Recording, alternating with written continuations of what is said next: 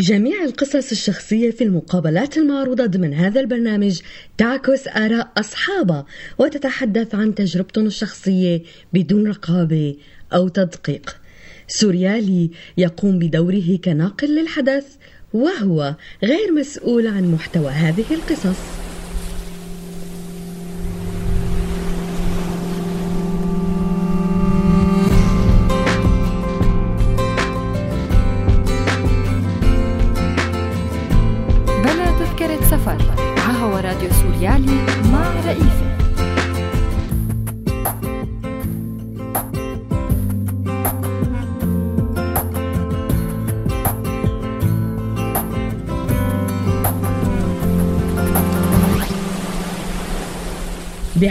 اليوم من بلا تذكرة سفر. الشارع الغربي على يعني المرة الماضية حكينا على مشكلة أحد مشاكل الديمقراطية أو شروطها. إنه لما يكون في عندي نظام ديمقراطي لازم الناس تعرف كل المعلومات. الشارع الغربي لا يعرف كل المعلومات. يوجد سياسيين غربيين خصوصي باليمين المتطرفة بيقدموا معلومات كاذبة. طبعا في بالمجتمع الغربي جرائم قتل صح. ما في حدا بينكرها وفي جرائم سرقة وفي جرائم اغتصاب بدي مضطر نعيدها لأن في ناس تفكر عم نحكي المجتمع الغربي فورا إنه لا في موجود. بس اللي ما له موجود نحن في مجتمعنا في شيء عندنا اسمه شيء مبرر اسمه جريمة الشرف آه، مثل ما حكينا كمان المره الماضيه آه، ما في شيء اسمه حرية مطلقة. فمثلا هلا مثل ما حكينا موضوع ضرب الأطفال لا أنت لسه حر بإنك تضرب أطفالك. أنت غير مؤهل لرعاية أطفالك. والسبب ليس إنك لاجئ مثل ما في كثير ناس بتحب تحكي وتصدق لا. طبعا آه، في برجع بيضطر دائما نذكر هسه انه طبعا في غربيه بضربوا زوجاتهم لكن هذا لا يعني إنه مقبول لا قانونا ولا اخلاقا. هون لا عاداتك مو من حقك تمارس كل العادات اللي تعودت عليها بالطريقة اللي أنت بدك تمارس. هون في بقانون الاندماج الاوروبي بيقول من واجب الدولة المضيفة دولة اللجوء يعني إن تحافظ لك على ثقافتك وعاداتك ودينك و حريتك بممارسة دينك بما لا يتعارض مع قيم الأوروبية. مساء الخير رفقاتنا السورياليين يلي عم تسمعونا من كل بلاد الدنيا ومن سوريا أونلاين مباشر أو من على تطبيق سوريالي على الموبايل. منبتدي حلقتنا مثل كل أسبوع بآخر مستجدات ملف اللجوء على الساحة الدولية وبعدها مننتقل لنسمع اللقاء مع الكاتب والباحث السوري ومؤسس بيت السلام السوري علاء الدين الخطيب. فرانس 24 تظاهر اليمين المتطرف يوم الاثنين 27 آب لليوم الثاني على التوالي بمدينة كيمنيتس الألمانية إثر مقتل رجل بالسلاح الأبيض. ويزعم المتظاهرون من حركة بيجيدا المعادية للمهاجرين والإسلام أن رجلا قد قتله أجانب في المدينة. أسفرت المظاهرات لليمين المتطرف واليسار المعارض لإلون عن جرح ستة أشخاص على الأقل بحسب بيانات الشرطة في ولاية ساكسونيا ودعا سياسيون ألمان إلى الحذر من مغبة محاولة خلق مشاهد مصطنعة لحرب أهلية في البلاد. من جانبها حذرت نقابة الشرطة من مغبة ممارسة العدالة الذاتية في خرق لدولة القانون والحق. أما حزب الخضر فقد انتقد وزير الداخلية الاتحادي هورتسي هوفر بشدة واصفا صمته إزاء ما يجري في ساكسونيا منذ أيام بالفضيحة. وذكر موقع صحيفة برلين تسايتونغ أن قوات الإطفاء بالعاصمة الألمانية برلين أنزلوا يوم الأحد 26 آب دمية معلقة في رافعة بساحة الهيرمان بلاتس. وأضاف الموقع الألماني أن الدمية المعلقة تمثل لاجئا. وأشار موقع برلين تسايتونغ إلى أن الدمية ترتدي سترة نجاة برتقالية اللون وتم تعليقها على حبل مشنقة. وأضاف أنه إلى جانب ذلك كانت هناك لافتة كتب عليها كلمة إنسانية وهو ما قد يعد إشارة محتملة إلى الأحداث الجارية في إيطاليا. بألمانيا كمان قالت الحكومة أنه قضايا جهاديين العائدين من مناطق سيطرة داعش في العراق وسوريا تشغل اهتمام المدعي العام الاتحادي من عام 2013 حيث تم فتح تحقيق في ملفات 24 متشدد عائد إلى ألمانيا. وأضافت الحكومة الألمانية برد خطي على استفسار برلماني تقدمت فيه كتلة حزب اليسار بالبرلمان الألماني البوندستاغ. حصلت وكالة الأنباء الألمانية دي بي آ على نسخة منه. أنه في ثلاث قضايا رافقت دوائر حكومية عودة المتشددين إلى البلاد بدون ذكر مزيد من التفاصيل. من جانب آخر رفضت محكمة فتح مراسم محاكمة أحد المتهمين لأسباب لم يذكره الرد الرسمي. في حين انتهت معظم المحاكمات واللي جرت بتهم الانتماء إلى منظمة إرهابية في الخارج وارتكاب جناح تميزت بالعنف بالحكم على المتهمين بالسجن ما بين ثلاث وخمس سنوات. الجدير بذكره أنه من عام 2013 غادر حوالي ألف جهادي مفترض ألمانيا للالتحاق بتنظيم داعش أو غيرها من التنظيمات الإسلامية الإرهابية في العراق وسوريا. ويعتقد جهاز الأمن الداخلي في ألمانيا أنه حوالي ثلث هدول الملتحقين بالتنظيمات الإرهابية قد عادوا إلى ألمانيا مجددا فيما لقي حوالي 150 منهم حتف في مناطق حروب التنظيمات الإرهابية.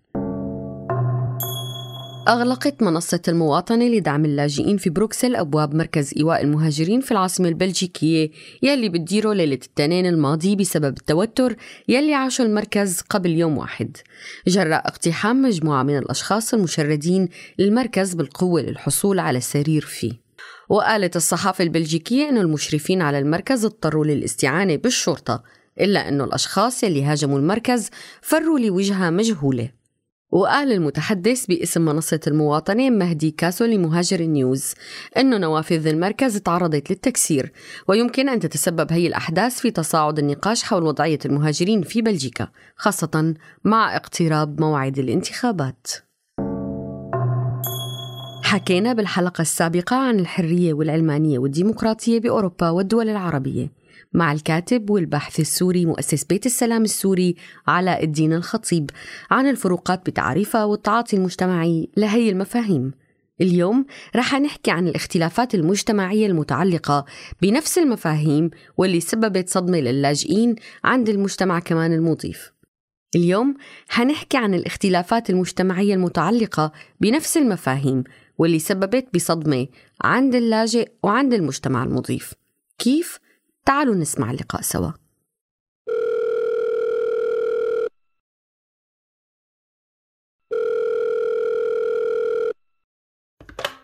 مساء الخير أستاذ علاء. مساء النور أهلا وسهلا سيدة رئيفة. الحلقة الماضية حكينا عن تعريفات الليبرالية والعلمانية والديمقراطية آه، واختلافها بين مفهوم شرقنا ومفهوم الدول الأوروبية والمجتمع الغربي. اليوم آه، كان تركيزنا آه، أو اتفاقنا أنه نحكي على الصدمة يلي بتتشكل عند اللاجئ السوري لما آه، بيكون ربيان على هالمفاهيم. وبينصدم بالمفاهيم الجديدة بالمجتمع العلماني الليبرالي الديمقراطي يلي انتقل له فمن وين بتحب نبلش؟ مرة ثانية مساء الخير لكل السادة المستمعين. موضوع الصدمة الحضارية أو الصدمة الثقافية اللي نسميها. هذا آه، مشكلة دائما قائمة بحالة الهجرة العادية لنقول لمختلف الشعوب.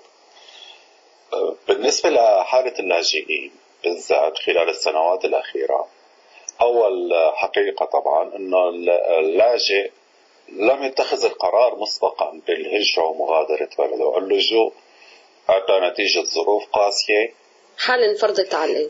المشكلة الأخرى أن بعد وصول اللاجئين إلى أوروبا نحن بما عم نحكي طبعا عن اللاجئين في أوروبا وحتى المهاجرين بشكل عام كانت الاستعدادات الأوروبية أو وسائل الاستقبال أساسا تعتمد على تلبية الحاجات المباشرة لها القادمين الجدد ما كان في ولحد الآن استعدادات لل عمليات الاستقبال أو المساعدة على عملية التأقلم النفسي مع الوضع الجديد. هلا هنا عم يشتغلوا على موضوع الاندماج بس عم يشتغلوا عليه من ناحية اللغة فقط. تماما. يعني سياسة الاندماج أو كثير من الحكومات أخذتها في منحين. اللغة تعلم لغة البلد المضيف والاندماج في سوق العمل، طبعا كان المطلوب أو كان المأمول من سياسة الاندماج أكثر انها تفتح نوع من الحوار الثقافي بين الطرفين نوع من الحوار تبادل الأفكار نوع من التعرف على الآخر. هذا الشيء آه، ما حصل بشكل كافي. الطرفين بالواقع القادمين الجدد اللاجئين والطرف المضيف كل شخص أو كل مجموعة بافكارها المسبقة. لما بنحكي عن اللاجئين والمهاجرين وبما انه بنحكي عربي طبعا عن العرب بالذات والمسلمين في اوروبا لا نقصد ابدا التعميم. بمعنى لما عم نحكي عن المجتمع الغربي ونقول إنه مجتمع يعتمد على الديمقراطية والعلمانية والليبرالية ومجتمع منفتح وقدم مساعدة كبيرة للاجئين. هذا لا يعني إنه مجتمع مؤلف من ملائكة ولا يعني ابدا إنه لا يعاني من مشاكل وسلبيات كبيرة. هذا الشيء غير مقصود. طبعا في عندهم مشاكله. عشان تكون الأمور واضحة لأن إحنا مش ما رح نقدر دائما آه، نخصص ونوضح ضمن النقاش. عدم القدرة على التأقلم اللي عم تحصل آه، بالنسبة للسوريين مليون سوري وصلوا إلى أوروبا آه، ما بين العامين ما بين العام 2012 إلى العام 2017 هذا يعتبر حركة مفاجئة بالنسبة للشعوب وليس بالنسبة للأفراد. هالانتقال المفاجئ هذا مع كل مشاكل اللي حكينا عنها آه، في شيء جديد لما الإنسان بده يشوفه قدامه. أسباب الصدمه هون بتحصل. إنه نحن كمجموعة من اللاجئين جايين من مجتمع آه، محافظ نسبيا آه، متدين عموما في الكثير من العادات والتقاليد اللي حضورها قوي في حياتنا وفي تأثير كبير للدين سواء الدين الإسلامي أو الدين المسيحي وبكل تنوعاتهم وحتى في بسبب الحالة السياسية التاريخية في عنا أفكار مسبقة كثير في أحكام مسبقة يعني انزرعت براس أغلب الناس عن المجتمعات الأوروبية والغربية مثل تفكك الأسرة مثل انعدام العلاقات الاجتماعية وفي كثير قصص ثانية والحرية الجنسية وهيك. هلا الأفكار المسبقة طبعا آه، في لها مناحي عديدة. في أفكار مسبقة لها علاقة عن المجتمع الغربي إنه علمونا في الإعلام العربي إنه دائما المجتمع الغربي يا إما فينا طرف بيحولوا إلى مجتمع مثالي آه، بكل معنى الكلمة وهذا غير صحيح. وفي منحى ثاني ما بيحكي عن المجتمع الغربي سوى إنه من الناحية من الناحية الجنسية فقط إنه العائلات مثل ما قلتي متفككة الإنسان بيموت على الطريق ما حدا بيطلع فيه الناس ممكن تمارس المرأة والرجل ممكن يمارسوا الجنس مع بعضهم بكل سهولة. فهالافكار هي كلياتها مسبقه طبعا بنتيجة الإعلام وبنتيجة ضخ الإعلام اللي حصل من قبل السلطات عنا ومن قبل حتى السلطة الدينية بعقول الناس الموجودين عنا. بس هون آه. في نقطة أستاذ علاء. يعني لما بتصير أي حادثة عنصرية أو أي خلاف أي خطأ بيرتكبه اللاجئ السوري بالدول الأوروبية عم بيكون ردود الفعل المجتمعية واللي نحن بنقدر نرصدها على وسائل التواصل الاجتماعي إنه أغلب المجتمعات النقاشات اللي بتصير آه، بهي المجتمعات الصغيرة إنه هدول هن اللاجئين اللي هربانين من حرب يلي قلتونا بدهم يجوا أطباء ومهندسين ودكاترة وبدهم يرفعوا المجتمع. يعني عم بي هن كمان في عندهم صورة مسبقة عن اللاجئ اللي جاي إنه ممكن يكون عمالة جيدة لهي البلد. آه هون عم نحكي على مستوى فردي وعلى مستوى فردي هذا مش ما ذكرتيه ليس لنقل الهدف الحقيقي أو السبب الحقيقي اللي حصل. ردة الفعل على اللاجئين اللي حصلت بعد ال 2000 من ال 2016 وازدادت بالسنه الماضية وهلأ عم تزداد لها أسباب مختلفة كثيره في حصل ردة فعل بسبب أساسي هو التعميم والإعلام. هون هون حصلت هون المشكلة الأساسية. وهذا التعميم والإعلام اللي اللي صاحبه صعود اليمين المتطرف بالغرب خلال السنوات الماضية. السياسيين أو بعض الإعلام الآخر حاول يقنع الناس إنه قدوم اللاجئين ممكن يكون مفيد لهذا البلد من ناحية اقتصادية وهذا طبعا شيء ممكن وهذا ليس عيبا كان المحرك الأساسي هو الموقف الأخلاقي والقانوني الإنساني وبضغط من الشارع اللي وصلوا على ألمانيا ب 2000 من لل 2015 حتى 2016 حسوا بترحاب الشارع الألماني بغالبيته. هلأ المشكلة اللي بتحصل بمعظم الأحيان إن الناس بتنسى أو ما بتحكي عن موضوع الناس اللي رحبت فيها بتحكي عن مشكلة عنصرية حصلت معها هون المشكلة بالتعميم والطرف الثاني عنده تعميم. لأنه في بين اللاجئين اللي حضروا لأوروبا في بيناتهم مجموعات عملت مشاكل وبالنهايه كلنا بنعرف انه اذا عملنا احصائيات بده يطلع هدول نسبتهم واحد ل 2 بالألف. فبيحصل كمان طبعا تعميم الشارع الغربي على يعني المرة الماضيه حكينا على مشكله احد مشاكل الديمقراطيه أو شروطها انه لما يكون في عندي نظام ديمقراطي لازم الناس تعرف كل المعلومات. الشارع الغربي لا يعرف كل المعلومات. يوجد سياسيين غربيين خصوصي باليمين المتطرفة بيقدموا معلومات كاذبة عم بينحط اللاجئين اللي معظمهم هن طبعا ما بين الخمس ملايين لاجئ اللي اجوا لأوروبا اللي حكينا عنهم في نسبة 73% مسلمين. عم يتم وضع هاللاجئين اللي اجوا قالب معين من الإعلام حول الشخصية أو العائلة المسلمة وما بيكون في تمييز. يعني بالنهاية بنحكيها أحيانا بنوع من المحبة. يمكن أو من الفخر إنه أنا السوري آه، أو نحن السوريين مواصفاتنا كذا. لا ما في مواصفات محددة للسوريين.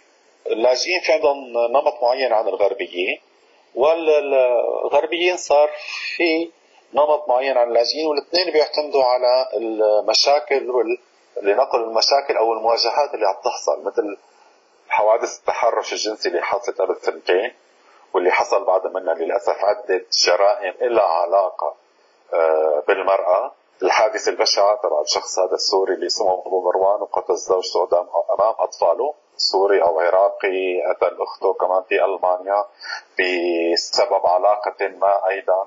آه، هاي الحوادث فورا بتطلع على السطح. وبالنسبة للمجتمع الغربي هلأ هي أحد المشاكل الأساسية اللي بيحصل اذا بدنا ننتقل لموضوع الصدمه طبعا في بالمجتمع الغربي جرائم قتل صح. ما في حدا بينكرها. وفي جرائم سرقة وفي جرائم اغتصاب.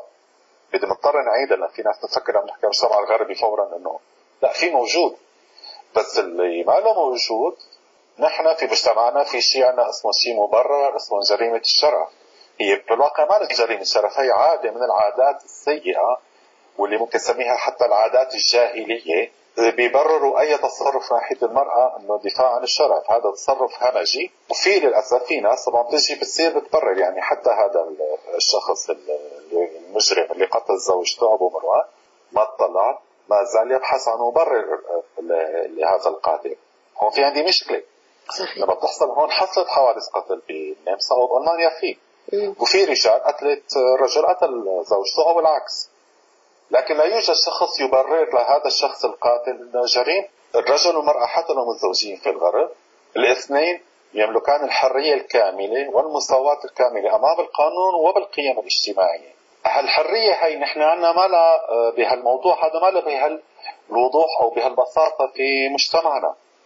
في مجتمعنا بشكل عام الرجل بسهولة ممكن يجي يقرر إنه هي العلاقة الزوجية بكلمة طالق وبدي يطلق المرأة لا مو من حقها. مثلا في مجتمعنا كان في عملية هجوم أو في عملية إدانة للمرأة بكل الأحوال.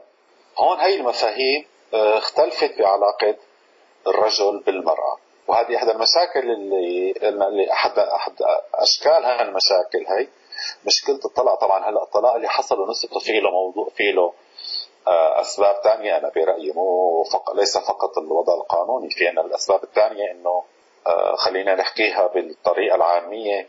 آه، رجال ومرته راسهم براس بعض 24 ساعة لا شغلة ولا عاملة عايشين على المعونات الاجتماعية. إيه، طبعا بده ينفجروا وجه بعض. والقانون بيساعد بيحمي المرأة بهالحالات هاي. الصدمات اللي حصلت وهي أنا شفت دخلت بعدة نقاشات بالموضوع. التعامل مثلا مع الأطفال.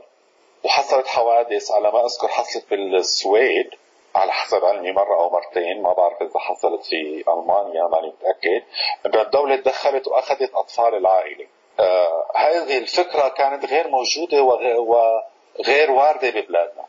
فينا على ما يقال المجتمعات أو القانون الغربي بالذات في أوروبا الغربية مبني لحماية الإنسان ومواطن بشكل عام. لكن الأولوية القصة تكون رقم واحد هي للأطفال. أولا قانون والنظام والدولة وكل المجتمع يعطي الأولوية للطفل ثانيا للمرأة لأنه أيضا المرأة طبعا بالمجتمع الغربي لسه ما وصلت لحقوقها كاملة.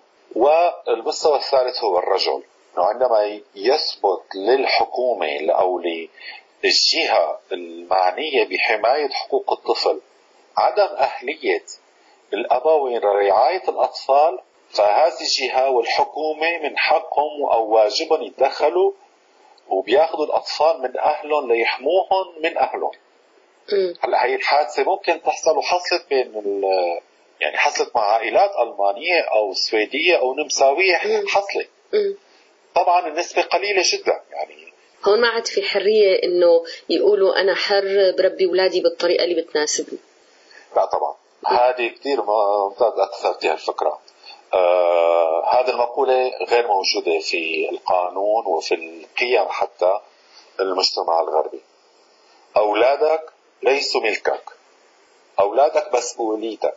طبعا من حق الأهل إنه بمعنى إنه يربوا أولادهم. الكلام طبعا هون ليس بالمطلق نحن هون الناس مختلفه عن بعضها فالأطفال بتربى بشكل مختلف. يعني خلينا دائما نفهم الموضوع نسبيا.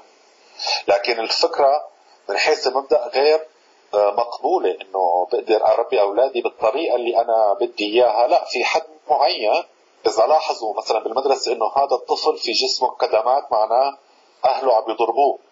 إذا ثبت لجهه حماية الأطفال إنه أو العائلة إنه هذا الطفل عم يتعرض للضرب من أهله القرار واضح ولا تردد فيه.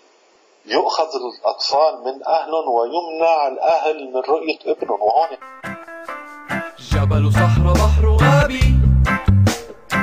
طبيعة روح بلادي. شجرة خضرا بنص الوادي. ومي نظيفة مثل العادي.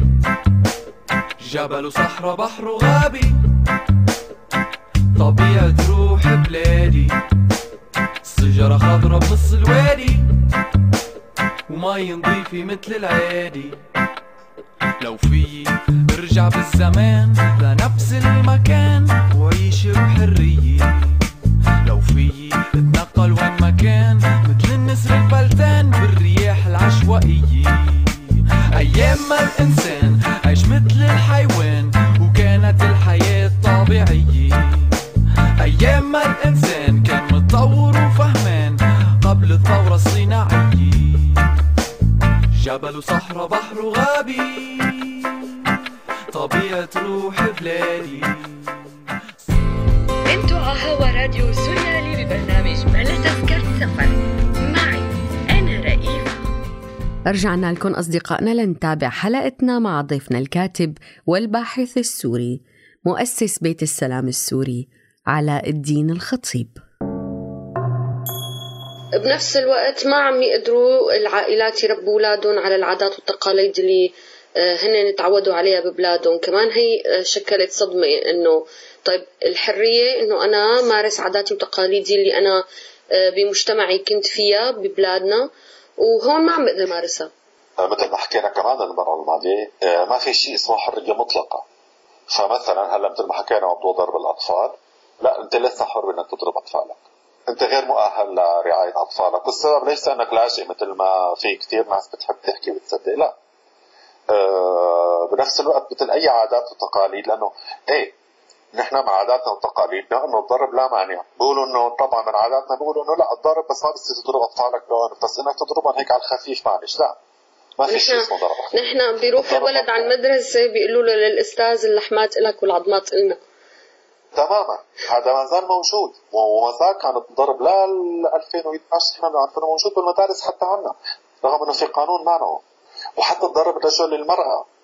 كمان ممنوع آه طبعا آه في برجع بيضطر دائما نذكر حسب إنه طبعا في غربيه بضربوا زوجاتهم لكن هذا لا يعني إنه مقبول لا قانونا ولا اخلاقا.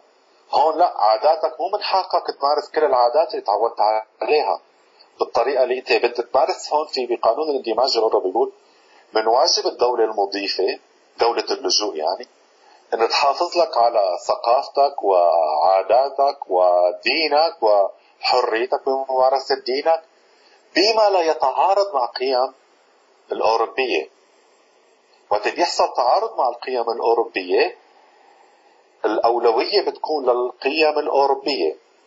من ضمن القيم الأوروبية اللي تعارضت مع المسيحية اللي هي دين الغالبية تاريخيا في أوروبا لكن ما سمحت للكنيسة أنها تتجاوزها القيم والقانون الأوروبي أعلى من الكنيسة مثلا بقضية الزواج المدني. الدولة ما بتعترف أو آه، بالزواج الكنيسة. أنت الشخص تريد تتزوج بالكنيسة أنت حر تزوج عبر الكنيسة. لكن تكون متزوج أمام الدولة لازم تعمل عقد مدني وتوقعه بالبلدية. فالناس المسيحيين المتدينين هون بيتزوجوا مرتين أو بيعملوا نوع من العقد يعني نقل عقدين هي بالكنيسة بيعملوا الطقس الديني وبيروحوا على البلدية بيتزوجوا بالزواج المدني لحتى الدولة تعترف فيهم كمتزوجين. وبالمناسبة بس معلومة على الهامش تركيا نفس النظام. تركيا ما في زواج آه، ديني عندهم ما في زواج زواج إسلامي زواج الشيخ زواج الشيخ لا يعترفوا فيه.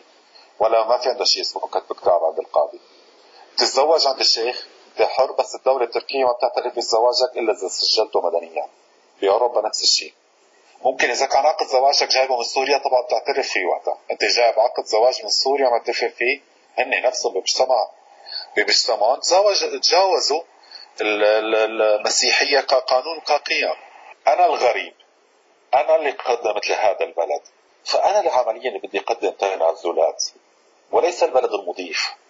آه، حصلت السنة الماضية مشكلة الصيام طلاب المدارس. في ألمانيا حصل نقاش كثير رح يحصل السنة القادمة لأنه السنة القادمة رمضان سيأتي في موعد قريب من الامتحانات النهائية بآخر السنة. وعم يكون نهار الصيام بألمانيا وصل ل 21 ساعة. فمن ضمن العادات وليس من ضمن الدين إنه الأطفال ممكن كانوا ببلادنا من سن سبع سنين أو ثمان سنين أو عشر سنين يصوموا. صيام المادة صارت الناس ملكية أكثر من ملك. في ناس صارت بدها تتشدد أكثر ما كانت تشدد ببلادنا. لدرجة أنه بعض العائلات المسلمة وتركية هي كانت معظمها طالبوا وزارة العائلة الألمانية بتخفيف المنهاج الدراسي برمضان. وزيرة العائلة رفضت بشكل قاطع. وعلى فكرة الوزيرة هي من الحزب الاشتراكي المتع... لنقل مو بس المتحمس المتعصب للاجئين بيحمي يعني مع اللاجئين بشكل كامل. لكنها ما قدرت آه، تتجاوب معه لأنه الطلب غير فوق المنطق بالنسبة لها هذا نظام مدرسي. هذا النظام المدرسي لا يمكن يتغير لأنه أنتم الأهل عم تعملوا شيء غير منطقي. طفل آه، من عمره سبع سنين. أو مثلا في بعض العائلات عندنا بنعرف إنه آه، بسبب طبعا السلطة مش بالضرورة بالاجبار بالقوة لكن السلطة المعنوية العاطفية بين الطفل وأهله بيخلوا الطفل يصوم من عمره سبع ثمان سنين. هذا شيء غير مقبول لا عقلا ولا منطقا ولا صحيا. ولا يمكن الإسلام في جوهره يتقبل هذا الموضوع. هي عبارة عن عادات وليس عن ونفس يعني نفس النقاش حصل في النمسا حول هذا الموضوع. مشكلة أخرى وحكوا فيها أتوقع حتى بألمانيا هو حجاب الصغيرات. الطفلات الصغيرات لا يتوجب عليهم الحجاب هذا الشيء لما عم يتم بالنسبة للقانون بالنسبة للعرف والقيم الأوروبي الاعتداء على الطفل. طفلة عمرها سبع ثمان سنين وملزمة تحط الحجاب. هذا في اعتداء نفسي على الطفلة هي وخصوصي في هذه المجتمعات. يتساءلوا طبعا رح يصير عندها عندها مشكلة بالتعامل مع المجتمع. الموضوع طبعا كثير استخدموا اليمين المتطرف هون. بسبب بعض العائلات بنرجع هون ما بنقول بنعمم في بعض العائلات وبعض الأهل عم يتصرفوا تصرفات بيدعوا إنها لأسباب دينية. هي بالواقع ليست الاسباب دينية بقدر ما هي نسميها أسباب نوع من التعصب اللاواعي ضد الآخر. أو عم يتم تطبيقه من خلال الأطفال. هون بالمانيا أو بالنمسا أو بأوروبا حصل نوع من عند البعض طبعا. رد فعل. نوع من التشدد الزايد. نوع من التشدد الزايد. هلأ ممكن أسباب طبعا هي كثير متداخلة معقده طبعا ممكن يكون أحد الأسباب الأساسية إنه حصل في نوع من الهيعان عند كل المهاجرين. بيحصل رده فعل إنه أنا لازم أحافظ على هويتي.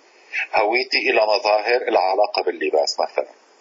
في ناحية ثانية في بعض الأهالي صار عندهم خوف من المجتمع لما شافوا كيف الحرية الموجودة هون في الشارع بالنسبة للمرأة وبالنسبة للرجل وبالنسبة للطلاب وطالبات المدارس كيف يتصرفوا. حصل نوع من ردة فعل الخوف. فتوهموا إنه التشديد على أطفالهم بهذه المناحي سيح بهالمناحي هي بفرض مثلا إنه طفله عمرها سبع سنين أو ثمان سنين تلبس حجاب مثلا. أو ابني وبنتي عمرهم 10 سنين لازم يصوموا أو لازم يقوموا يأدوا منا... آه، كل الفروض الإسلامية الدينية معي في الواقع هن ما زالوا أطفال حاليا رح يتجاوبوا. طبعا لأنه بدهم يقلدوا آبائهم وأمهاتهم. لكن هذا هذه التصرفات لن تحميهم في المستقبل. هل هي نوع من من الخوف على فقدان السيطرة والسلطة الأبوية بالمنزل؟ هلا هذا طبعا سبب إضافي. ممكن جدا الخوف من فقدان السلطة. في نوع من الخوف من فقدان السلطة. في نوع من التوهم إنه أنا بحميهم. في نوع من التوهم بسبب الإعلام إنه أنا هيك ديني بيقبرني. وهذا كمان وهم آخر بالمحصلة اللي رح يخسر هو الطفل والطفل لما بيكبروا. وهذا الشيء احصائيا موجود ما بين الجيل الثالث بنسميهم أو الجيل الثاني من المهاجرين اللي هاجروا إلى أوروبا سواء في ألمانيا ونفسها من الاتراك أو من اوروبا الشرقية أو بفرنسا حيث يوجد عدد كبير من المهاجرين من شمال إفريقيا. الجيل الثاني أو الجيل الثالث كثير عم يعاني من الصعوبات. ومن صعوبات ضخمة بفرنسا كان في مشكلة حقيقية لهذا الجيل. والسبب ليست عنصرية المجتمع الفرنسي مثل ما بيحبوا دائما يهربوا.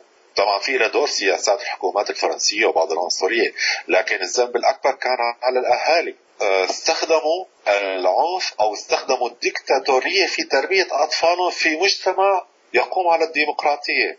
فطبعا الطفل لما كبر وصل لسن المراهقة بعدين صار شاب وبلش يبني حياته عانى من عدة مشاكل ومن عدة تناقضات ما بين الشيء اللي تربى عليه مع أهله ما بين المجتمع اللي عايش فيه.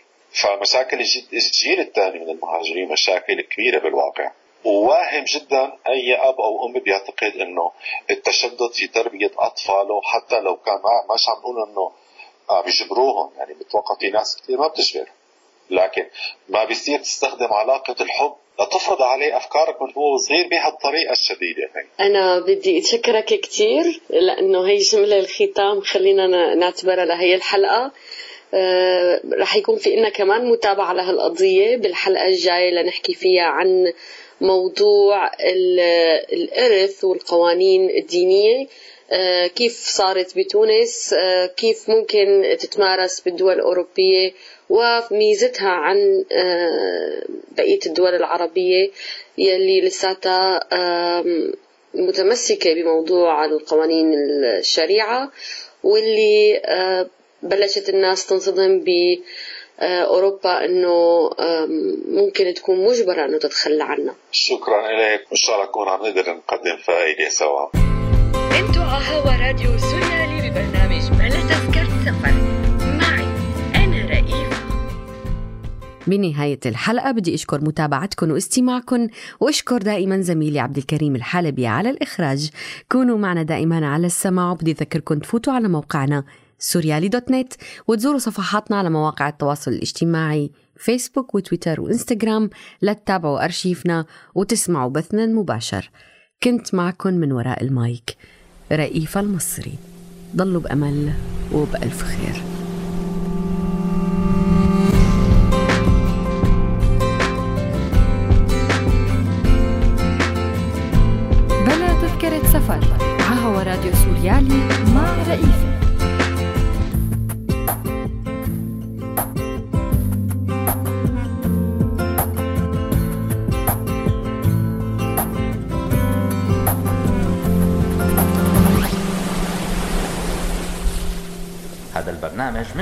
هذا البرنامج من إنتاج سوريالي 2018